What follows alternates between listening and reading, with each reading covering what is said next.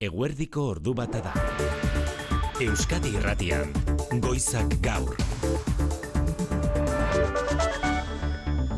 Arratsalde hon deizuela guztioi Tolosako inauterietan itxura zertzantzaren kargaren ondorioz begian zauri larriak izan zituen amasei urteko gazteren kasuak aurrez aurre jarri ditu ertzantzako sindikatuak eta Josu Erkoreka segurtasun sailburua. Astelenita goizaldean ertzantzak izandako jokabidea defendatuz eta Erkoreka sailburuak babesik gabe utzi dituela salatuz sindikatuek ertzantzako sindikatuek bart kaleratutako oharrari galdera gogor batekin erantzun die gaur erkorekak. Ea sailburuaren babesa eskatzen ari direnean, barne ikerketa ez egitea ari ote diren iradokitzen. Erkorekaren erantzunetik pasarte luzea aukeratu dugu, hitze zitzen zutea merezi duelakoan. Ez dakidana da, eh, sindikaturen batek, hori izaten dutenean, eh, nahi ote duten, nik orain ipatu ditudan printzipio eta urratz guztiak, eh, neurri batean, helburu gisa daukatenak egiaztatzea eta erakusten ematera, ertzantza polizia demokratikoa dela, gardena dela, eta polizia demokratikoen irizpideen arabera zokatzen duela beti, beti, ez dakit, e, printzipio horien artetik, e, bat alabestea zaien gustatzen eta horiek ekiditzea edo horrek ebitatzea ala baztertzea nahi duten. Ez dakit hori dan eskatzen duten ala ez den zehatz mehatz. E, baina horrela bada, ba, ondo legoke esatea ez dutela nahi barne ikerketarik zabaltzea, ez dutela nahi e, mediku forensearen e, ekarpena eskatzea, ez dakit hortik doan salaketa edo ez dut ulertu ondo zer esan nahi duten. Erkoreka helburua gogorarazi du etika polizialaren nazioarteko kodeak errespetatu egin behar dituela ertzantzak eta printzipio horiek urratzen dituen jokabide puntualik izan bada, araudiak aurrikusitako neurriak hartuko dituela segurtasun sailak.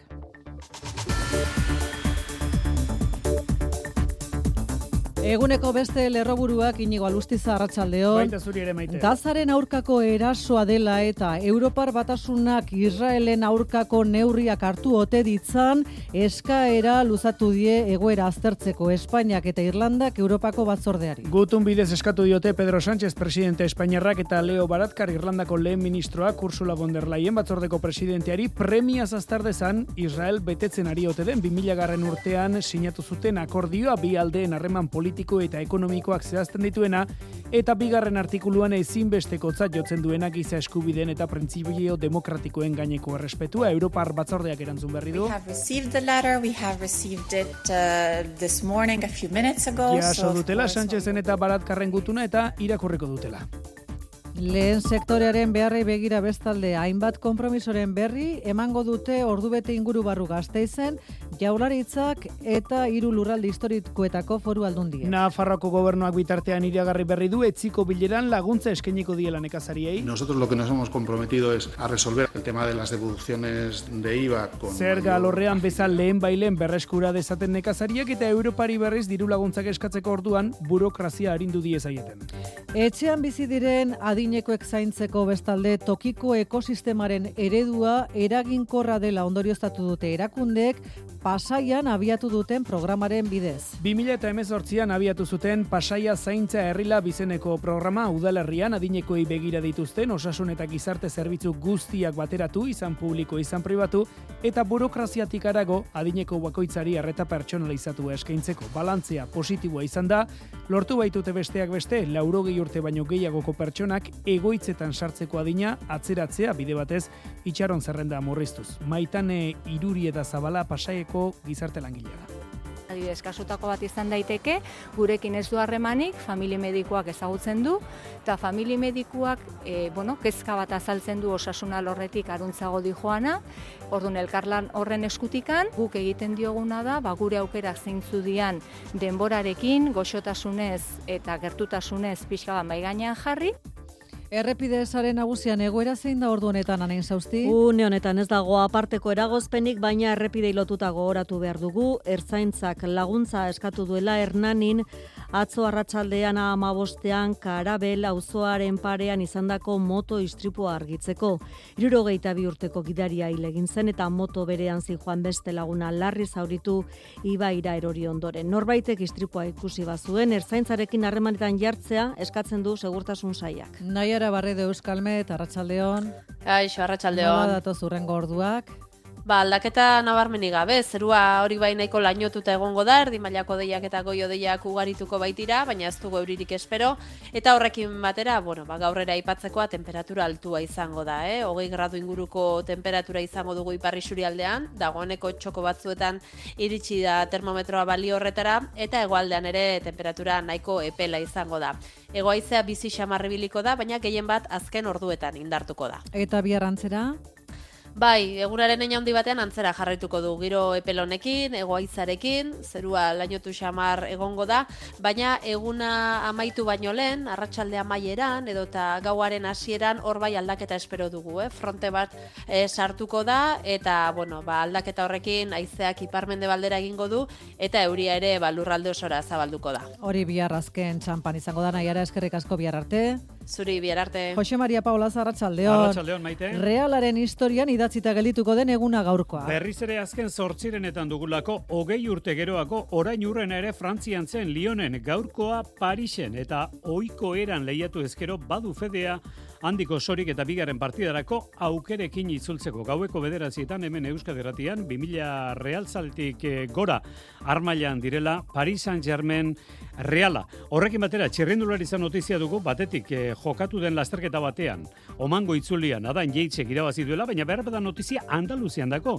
Gaur Algarbeko eta Andaluziako itzulia gaztekoak ziren, Andaluziako ez da abiatuko, gaurko etapa bertan bere utzi dute, agian itzuli osoa segurtasuna behar, bermatzeko behar beste guardia zibil ez dagoelako nekazarien protestek eta eraginda. Eta horrekin batera, binakako txapelketan, ba, pilota aukerak eta gazi dira, leia erabakigarri hoiei begira, larun batean labriten eta igandean donosti guztia. Ordu bat aterdietan kirolegez eta ordu biterdietan kultur leioa Manu sortu. Kaixo maiten. Bilboko loraldia jaialdiez hitz egingo duzuena tarte handi batean. Loraldia jaialdia martxoaren batetik hogeita irura bitarten egingo dute Bilbon hogeita sortzi ekintza antolatu dituzte loraldian eta eunda hogei sortzaile baino gehiago izango dira bertan.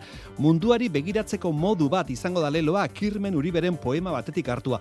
Imanol Agirre loraldiako programazio artistikoaren arduraduna munduari begiratzeko moduaz. Poeman bertan esaten du ez, eskua irakurtzeko, harremanetan egoteko, negar egiteko kotxean, hau da, bizitza modernu honetan, gure euskara bizirik dago eta bizirik nahi dugu. Eta hori da loraldiak plazaratzen duen mezua, ez? Mundua begiratzeko modu bat dela gurea, kulturaren bitartez. Loraldiak estrenaldiak izango ditu patoño gehiago, adibide batzuk, gorputzaren atzean emanaldia, teatroa, dantza eta ikus entzunezkoak bilduko dituena, katisa agirrak idatzi du gidoia, beste bat, bihar atzo gaur bihar ikuskaria, Iban Salduak idatzi du testua eta bertan hariko dira Miren Artetxe eta Laia Martin Bersolariak eta Ibilbedi musika taldea Amaia Agirreren gidaritzapean. Egitara gozoa maite loraldia.eu satarian. Ordu bata eta zortzi dira Xabi Gailastegi eta Xabi Iraola teknikan eta errealizazioa. Euskadi Irratian. Goizak gaur. Maite Artola. Tolosako inauterietan astelenita goizaldean uste zertzantzaren kargaren ondorio zauritutako bilabonako amasei urteko gazteren hauzian, Josu Erkoreka sailburuak jakinarazi du hasieratik gardentasun osoz jokatu duela ertzantzak, baina diligentzia asko dagoela egin beharra, barne ikerketak berme guztiak errespetatu behar dituela eta hortaz denbora beharko da. Hori bai, Erkorekak agindu du ondorioak izan ala, orduan ere gardentasunez jokatuko duela segurtasun sailak urtzigartzia. Gertatutakoaren egia osoa jakitea eta gardentasunez jokatzea da jaurlaritzako segurtasun sailaren konpromisoa. Lehen unetik egin duen bezala erkorekaren arabera. Ertzantza bera e, izan da e, gai honen berri, e, istilu honen berri eman duena, gardentasun osoz, inoren eskuetan utzi gabe, beste batzuen salaketetan e, utzi gabe. Josu Erkorekak berak personalki eskatu di Euskal Poliziaren kontrol eta gardentasunerako batzordeari ikerketa zabaldu dezala, lehen datuak biltzen dituen txosten ere igorri dio jada jaurraritzago segurtasun zailak, aldi berean barni ikerketa biatu du ertzaintzak, baina oraindik goiz da ezer ondorioztatzeko. Ez da egun batetik beste argituko, prozesu horrek berme asko bete behar dituelako, hau eh, haren egun gertatutako gauza bat da. Eta ez da improvisatzen nolako ikerketa bat, e, jente askorekin hitz egin behar delako, eta datu eta informazio asko, irudi asko e, bildu behar delako. Segurtasun zailburuak argi utzi nahi izan du, astelen goizean bertan, epaitegira jo eta zauritutako amasei urteko gazte erietxeratu bezain laizter, ertzaintza bere kabuz jarri zela harremanetan familiarekin maite. Eta sarreran aipatu dugu, erkoreka zailburuak ertzantzako sindikatuei erantzunez nola gogorarazi duen etika polizialaren nazioarteko kodeak errespetatu behar dituela ertzantzak ere, eta printzipio hoiek urratzen dituen jokabide puntualik izan bada kasu honetan, araudiak aurreikusitako neurriak hartuko dituela bere saia. Bai, segurtasun sailburua ez dator bat, erne, esan eta sipe sindikatuek bere aurka egindako kritikekin, batetik, ertzaintzaren aurka salaketa faltsu edo injusturen bat egon denean, haren defentsan norbait atera bada, bera izan delako, ala esan du. Eta bestetik, ertzainen jarduna babestu ez izana egozten diotenean, ez duelako kritika horren muina ulertzen. Horrela bada, ba, ondo legoke esatea. Ez dutela nahi barne ikerketarik zabaltzea, ez dutela nahi eh, mediku forensearen eh, eh, ekarpena eskatzea. Argi utzi du ertzaintza demokratikoa dela eta kode etikoaren urraketak ondorioak dituela. Kodigo batzuk daude poliziaren jarduna eh, antolatzen eta arautzen dutenak, eta orduan hoiek urratzen direnean, salbuespen kasuetan legeak eh, reakzio mekanismo batzuk aurreikusten dituela eta hoiek martxan jarri behar direla. Erkorekak ez du ertzainen ideologia haien jardunarekin lotu nahi izan, zehaztu duenez, legearen aurkakoa litzatekelako. Ertzantzaren ereduaz eztabaida zabaltzea premiazkotzat jo du gaur Arnaldo Tegi EH Bilduko koordinatzaile nagusiak naiz irratian egin dioten elkarrizketan Inigo Kabakas ere aipatu dune batean adirazi du ez dela lehen aldia jai giroan kalea jendez beteta dagoela gisa honetako jokabidea duena ertzantzak eta hause galdetu du. Noiz demontre egin behar dugu eztabaida hori? Noiz pentsatu behar dugu badirela gauza batzuk astakeri hutsak direla ez, ezin ditugunak soportatu eta beraz herri honek merezi dula polizia euskaldun bat, demokratiko bat, herriaren zerbitzura egongo dena denen onerako, baita polizia hoien onerako ere bai. EH Bilduk ez ez izak gizuen atzo elkarrekin Podemos izan zen, Josu Erkorekaren agerraldia eskatzen lehenengo alderdia.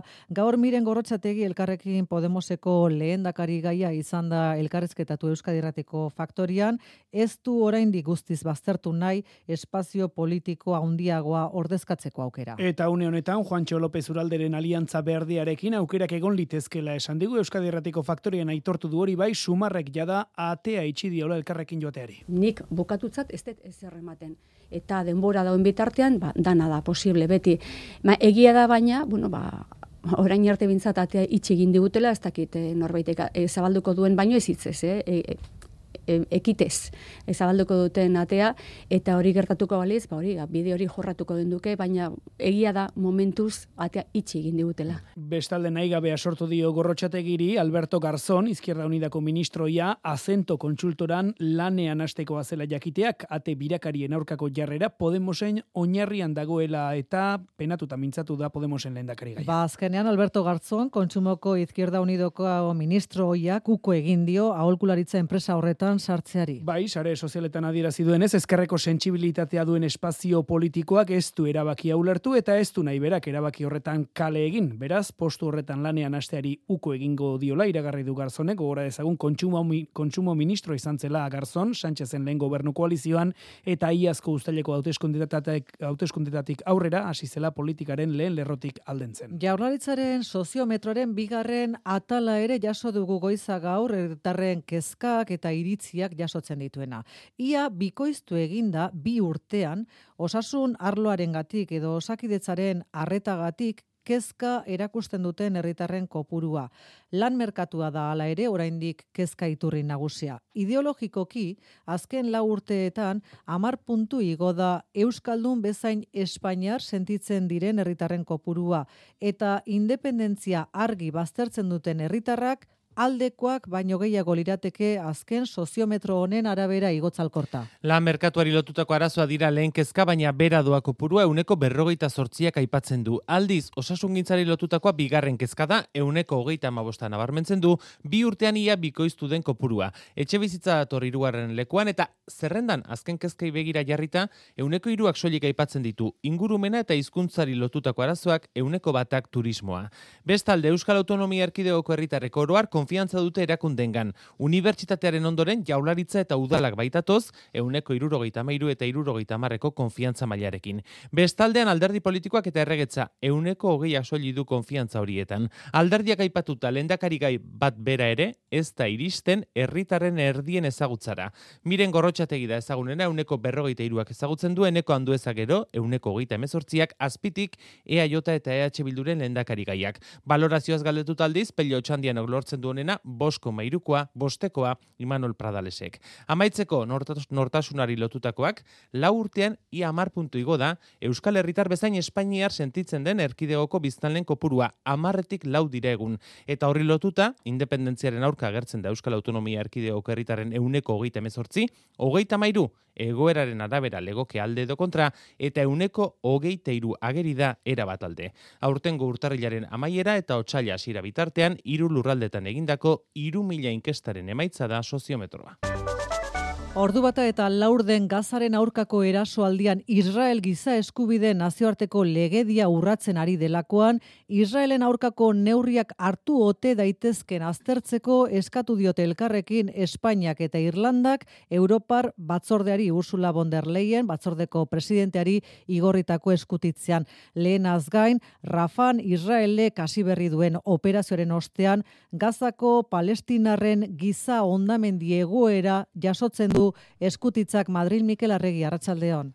Kaixo Arratsaldeon hiru orrialdeko gutunak Leo Baratkar Irlandako lehen ministroaren eta Pedro Sánchez Espainiako gobernu presidentearen sinadura du. Bertan bi gobernu buruek Israelekin duen hitzarmena aztertzeko eskatzen diote Europar batzordeko presidente Ursula von der Leyeni. Rafan martxan jarri duen operazio militarrak Gazan biziren ondamendi humanitario akertu dezakela uste dute eta horregatik Europar batzordeak Israelek giza eskubideak urratu dituela uste badu zigorrak aztertu ditzala eskatzen diote. Bruselak Sánchez eta Baratkarren eskaera aztertzen ari dela dioen bitartean, Espainiako gobernu barrutik Yolanda Diazek. España tiene capacidad para hacer más. Está muy bien que le pidamos Espainiak gehiago egin dezakela dio besteak beste, Ego Afrikak nazioarteko justizia auzitegian Israelen kontra jarri duen salaketarekin bat eginda. Yolanda Diazek datozen egunotan, Palestinara bidaia egingo duela ere iragarri du, naiz eta Espainiako atzerri gaietarako ministerioak duela minutu gutxi gezurtatu egin duen bidaia hori aurreikusita dagoen. Bruselan konfirmatu dugu Europako batzordera iritsi dela eskutitza eta Europako batzordeak aztertu egingo duela Europako batasunarekin Israel Israelek sinatuta duen elkartze akordioaren baldintzak errespetatzen ote diren. Amaia Portugal arratsaldeon Arratsaldeon bai gutuna gaur bertan jaso dutela baiestatu dute Europar batzordetik eta horregatik oraindik ez daudela balorazioa egiteko moduan. Europar batasunaren eta Israelen arteko akordioaz galdetuta zehazki ea zer metodo baliatzen duen Bruselak bermatzeko giza eskubidei dagokien atala betetzen dela, horren inguruan ere ez daude erantzunik emateko moduan bote prontoan. Esan dutena da oroar erantzunkizunak izan behar direla nazioarteko legea urratzen bada. Nabila Masrali atzergaietarako gozera mailea that there must be respect, there must be accountability for violation of international law. Eta mezu hori behin eta berri zelarazi zaiola Israeli buruzburuko bileretan. Europar batasunak 2000 garren urtetik du akordioa Israelekin, nagusiki merkataritzan oinarrituta, bada batzordearen datuen arabera, Israelentzat Europar batasuna da munduan duen merkataritza bazkide nagusia. 2008an Israelgo importazioen ia eren bat iritsi zen Europar batasunetik. Espainiako gobernuko iturriek EFE agentziari esan diote, kontseiluaren martxoko goibileran izan dezaketela aztergai hauzi hau, batzordea proposamenik mai gaineratzen badu gutunari erantzunez. Hamasek urrian egindako erasoren ondotik jada Israelgo erasoetan hogeita zortzi mila palestinar hildira, irurogeita zazpi mila zauritu eta bi milioi palestinar gazabarruan euren etxeak ustera behartuta daude. Astebeteko setioren eta ondoren, Jan Juniseko eriatzen nagusia ebakuatzen hasi da bestalde goizean Israelgo armada. Egora izugarri larria daan eta are larriagoa izan daiteke Rafan testu ingurunetan zuzendu zaio jamasi Mahmud Abbas aginte palestinarreko presidentea. Sueten akordioa azkar sinatzeko eskatu dio jamasi eta palestinako herria ondamendia handiago batetik babestu dezalander lander izagirre. Hamasek zueten aurki sinatzen ez badu, nakba edo ondamendi historiko berri bat izango da gazakoa palestinako herriarentzat.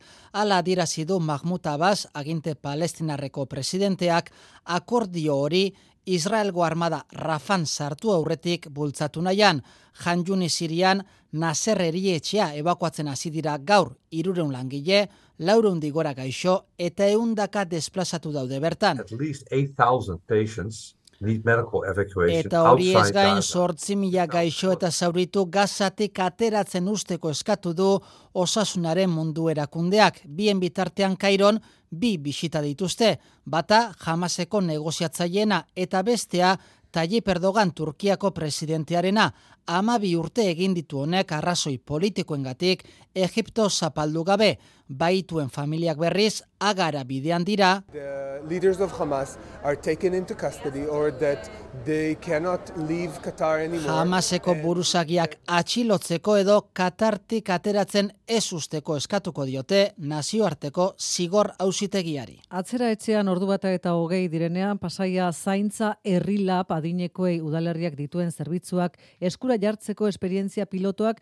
emaitza ezin hobeak utzi dituela adirazi dute gaur Jaurlaritzak, Gipuzkoako Foru Aldundiak eta Pasaiako udalak elkarrekin eskaini duten prentza aurrean. Duela sei urte jarri zen martxan esperientzia hau, helburua irurogei urtetik gorako personak gertutik ezagutu eta haiek dituzten beharrak modu personalizatuan eskaintzea da, inoa mendiburu. Erakunde guztien elkarlana oinarri izan du pasaia zaintza herrilab ekimenak. Batetik, udalak laguntza eske jo duten irurogei urtetik gorako herritarren errealitatea ezagutzeko alegina egin du burokraziaz aratago. Maitane irurieta zabala pasaiako gizarte langilea. Ordun orain, irurogei urtetik gorako adineko pertsona bat etortzen danean gure gana, saiatzen geha ikusten pertsona horrek ze behar ezberdin ditun, eta pasaiako udalerriak berak beharroiei erantzuteko ze aukera ezberdin ditun. Eta horre egiten deguna da konexio hori eta zubi hori eraiki. Osakidetzaren laguntza izan dute. Hilabetero ambulategiekin bilera egin dute erabiltzaileen artean behar bereziren bat sumatuz gero esaterako bakardade kasuak laguntza behar eta eskatu nahi ez duten herritarrak horien berri gizarte langilei zuzenean emateko. Sei urte ostean 135 erabiltzaileen artean galdeketa egin dute. Emaitza matxalen legarreta EHUko ikertzaileak. Ikusten duguna da e, programak lortu duela zerbitzuak gehiago erantzutea erabiltzaileen behar beharrei, erabiltzaileen beharrak zeintzuk diren ere hobeto ezagutzen dituztelako. Orduan erabiltzaileak posik daude, zerbitzuen erabilarearekin, programak hori e, lortu du Etxean denbora gehiago bizi direnez, zarre egoitzetako zerrandetan jetxiera nabaritu dute pasaian. Horrez gain, laro gehi urtetik berakoen artean telelaguntza gehiago eskatu da. Euren ongizatea eta autonomiari garrantzia handiago ematen diotenaren seinale. Pasaian, abian jarritako tokiko sistema, beste amalau puntutan martxan dago, eta zazpi udalerri gehiagok estrategian parte hartzeko interesa azaldu dute. Lehen sektorearen beharrei begira, hainbat kompromisoren berri emango dute minutu gutxi barru, jaularitzak eta araba bizkaia zein Gipuzkoako Foru Aldundiek bien bitartean Nafarroan nekazarien mobilizazioek ez dute etenik gaur ere atera dituzte traktoreak errepidera baina guk dakigula eragozpen handirik eragin gabe. Etzi Foru Gobernuarekin duten bileran daukate itxaropena jarrita. Jose Maria Ierdi landa garapenerako Nafarroako konseilariak iragarri berri du testu inguronetan etzi laguntza eskainiko diela nekazariei zerga alorrean beza lehen bailen berreskuratu dezaten eta Europari diru laguntzak eskatzeko orduan burokrazia arintzeko heli eraso iruña arratsaldeon Arratsaldeon nekazarien aldarrikapenen artean dago bezergaren itzulera azkartzea izan ere orain urteterdiko atzerapenarekin berreskuratzen ari dira laborariak aurreratutako dirua. Nafarroko gobernuak eskaera horri teknikoki konponbidea emanen diela iragarri du Jose Maria Ierdi landagarapenerako kontseilariak. Nosotros lo que nos hemos comprometido es a resolver el tema de las devoluciones de IVA con mayor Horrez gain, agilidad. etziko bileran, fiskalitatean neurri zehatz gehiago eta burokrazia harintzeko proposamenak jarriko dizki emai gainean sektoreko ordezkariei. Proposamen bateratua adostu nahi du aierdik, urrengo astelenean Madrilera ministerioarekin erkidegoak duten bilerara eramanen duena. Bien bitartean gaur ere dozena bat traktore errepidera atera dira. Ene eundagoita bat errepidean, horikain eta olabe artean eragozpenak eragin dituzte, kolapso handirik ez, hori bai, bi arratsaldean manifestazioa deitu du, iruñean, F6 plataformak sindikatuen aterkitik kanpo. Estatuan protesta handienak Katalunian, Andaluzian eta Madrilen gaur, gobernue bere alako neurriak hartzea eskatzen dieten ekazariek asirrar belaitz lehen sektorea pairatzen ari den krisiari erantzuteko gobernuek lehen bailen eskuar dezaten eskatzera irten dira bederatzi garren egunez nekazariak kalera. Katalunian gir, Gironan nekazariek AP zazpi autobidean itxita dute bi norantzkoetan Frantziako mugatik berrogei kilometrora. Andaluziako nekazariak berriz, Sevilla inkomunikatzeko xedearekin, hiriburura bertaratzeko auto, autobideak itxi dituzte gaur goizean, Ricardo Serra, Saja Sindikatuko, Andaluziako presidentak aldarrikatu du borroka nekazari guztiena dela. Ya está bien de darnos larga de reuniones que no sirven para nada. Claro, porque, porque la situación es muy límite y lo que hoy ya estamos aquí y hemos hecho es una llamada a la unidad. Aquí no hay ni siglas, ni colores, ni partidos, ni madres. ¿eh? Aquí lo que se trata entre todos una llamada de atención. Guztien artean Europako nekazal politikak dakarren ondamendiari aurre egiteko deia egindu asajak, Madrilen nekazariak Merka Madrideko irtera oztopatzen alegindu dira, baina gobernuak mobilizatzeko aukera ukatzearekin eta parean aurkitu duten operazio polizialarekin, nekazariak atzera egin dutela salatu dute sindikatuek. Hori lehen sektorean, enpresa eta industria jarduera sustatzeko bestalde, lea artibai eskualdean, bizkaian beste elkartegi bat jarriko dute martxan. Zortziko 6 milioi euroko inbertsio iragarri du gaur horretarako Bizkaiko Foru Aldundiak eta pabiloiak 2026an izango dira erabilgarri ispasterren marijo de gracias. Lea Artibai eskualdeko ekonomia suspertzea horixe egitasmoarekin lortu nahi dena Bizkaiko diputatu nagusi Elisabete Etxanoberen esanetan. Enpresa zentro barri honen helburua Lea Artibain garapen ekonomikoa, berrikuntza eta enplegua sortzeko katalizatzaile bihurtzea talentua erakartzeko ekosistema bat eta berrikuntza polo bat izango dauz funtsesko sektoretan. Zazpe mila eta boste metro kuadro hartuko bituzte pabelloi industrial berriek eta beste mila bulegoek talentua eta industria lau berrikuntzak erakartzeko, baina baita lekeition edo gizaburuagan bizitzeko hiri zoruetan edo landa ere muetan dauden taller, biltegi eta industria txikiak leku aldatzeko. Basoko etxe industrigunearen ondoan egingo da elkartegi berria izpazterren, bilbotik ordu betera, baina lekeitiotik amar minutura horregatik ere, ontzien konponketarako leku egokia izan daitekela iritzi diote gaur izpazterren egindako aurkezpenean. Elkartegian sortzeko masai milioi inbertituko dira eta 2008-ko erabilgarri izatea espero da. Urte hasi eta bila bete ez dira pasa eta dagoeneko amalau langile hil dira ez beharrean Euskal Herrian horietatik hiru altueratik erorita. Azkena atzo durangon berrogeita zazpi urteko behar gina, ba odoluste hitzarekin definitu dute gertatzen ari dena la BSK Esteilas N eta hiru sindikatuek gizakatea egin dute gaur jaurlaritzaren bilboko egoitzatik hasi eta konfebask patronalaren atariraino. Izan ere uste dute sindikatuek lan istripuen atzean enpresarien utzikaria ez ezik erakunde publikoen konplizitatea dagoela maialen narratibel. Arratxaldeon bai, lan osasun eskubideetan atzera egiten ari garela, bereziki prebentzioari lotutako neurriak sistematikoki hausten dituztelako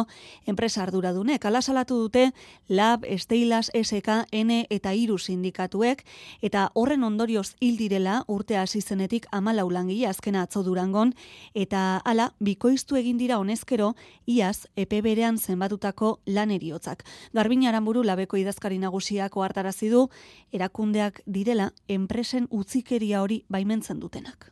Arduragabekeria horrek langileak hiltzen ditu eta langileak gaixotzen ditu. Eta salatu nahi duguna da baita ere, hau ez litzatekeela posible izango instituzioen konplizitaterik gabe. Instituzioek ez dute patronalaren interesekin talkarik egin nahi, eta talka hori ekiditeko instituzioak ontzat ematen ari dira langileak lanean hiltzea eta gaixotzea. Osasun psikosozialari ere bizkarra ematen zaiola kasuri gehienetan mutualitateek neke sartzen dituztelako gaixotasuntzat arazo horiek, gauza korrela sindikatu esalatu dute osasuna privatizatzeak dakarrela, langileen osasuna behar bezala ez babestea. Eta amaitu aurretik Nafarroako gobernuaren azken izendapena irulegiko eskur, eskua interes kulturaleko ondasun izendatu du, erabakiren helburua da brontzezko eskua behar bezala konserbatzea Aitor Perez Arratsaldeon.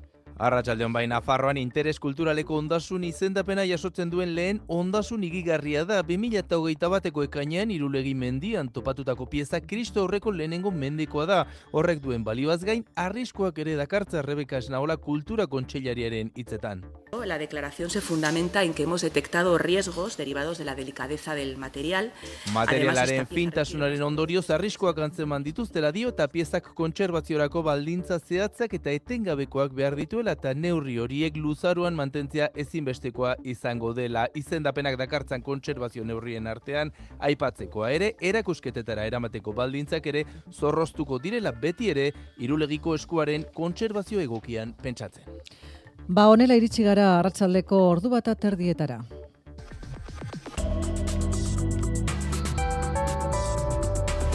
Euskadi Irratian eguraldia eta trafikoa. Trafikoan ze berri jokinen aierre garai. Arratsaldeon segurtasun saiak jakinarazi duenez, harreta andoainen bat nazionalean lasarte horiara bidean kamioi bat matxuratu da eta trabanda errepidean. Puntu horretan harreta eta usi urrengo orduetarako eguraldiaren pronostikoa Euskalmeten eskutik. Datozen orduetan egoizea bizi bizi biliko da, indar hartuko du eta era horretan gaua nahiko epela izango da, batez ere kantauri aldean. Eta biharko egunari begira, ba fronte bat iritsiko da, baina nahiko berandu helduko da iluntzaldean. Beraz, egunaren handi batean antzera jarraituko dugu egoaizarekin, giro epelarekin eta zeruan erdimailako deiekin eta goio deiekin. Ez dugu baztertzen goizean uneren batean euripitin bat egin dezakenik, baina ezer gutxi izango da eta ondoren bai frontea sartzean, arratsaldean baieran edo eta iluntzetik aurrera haizeak ipar mendebaldera egingo du eta hortik aurrera euria ugariagoa eta orokorragoa izango da.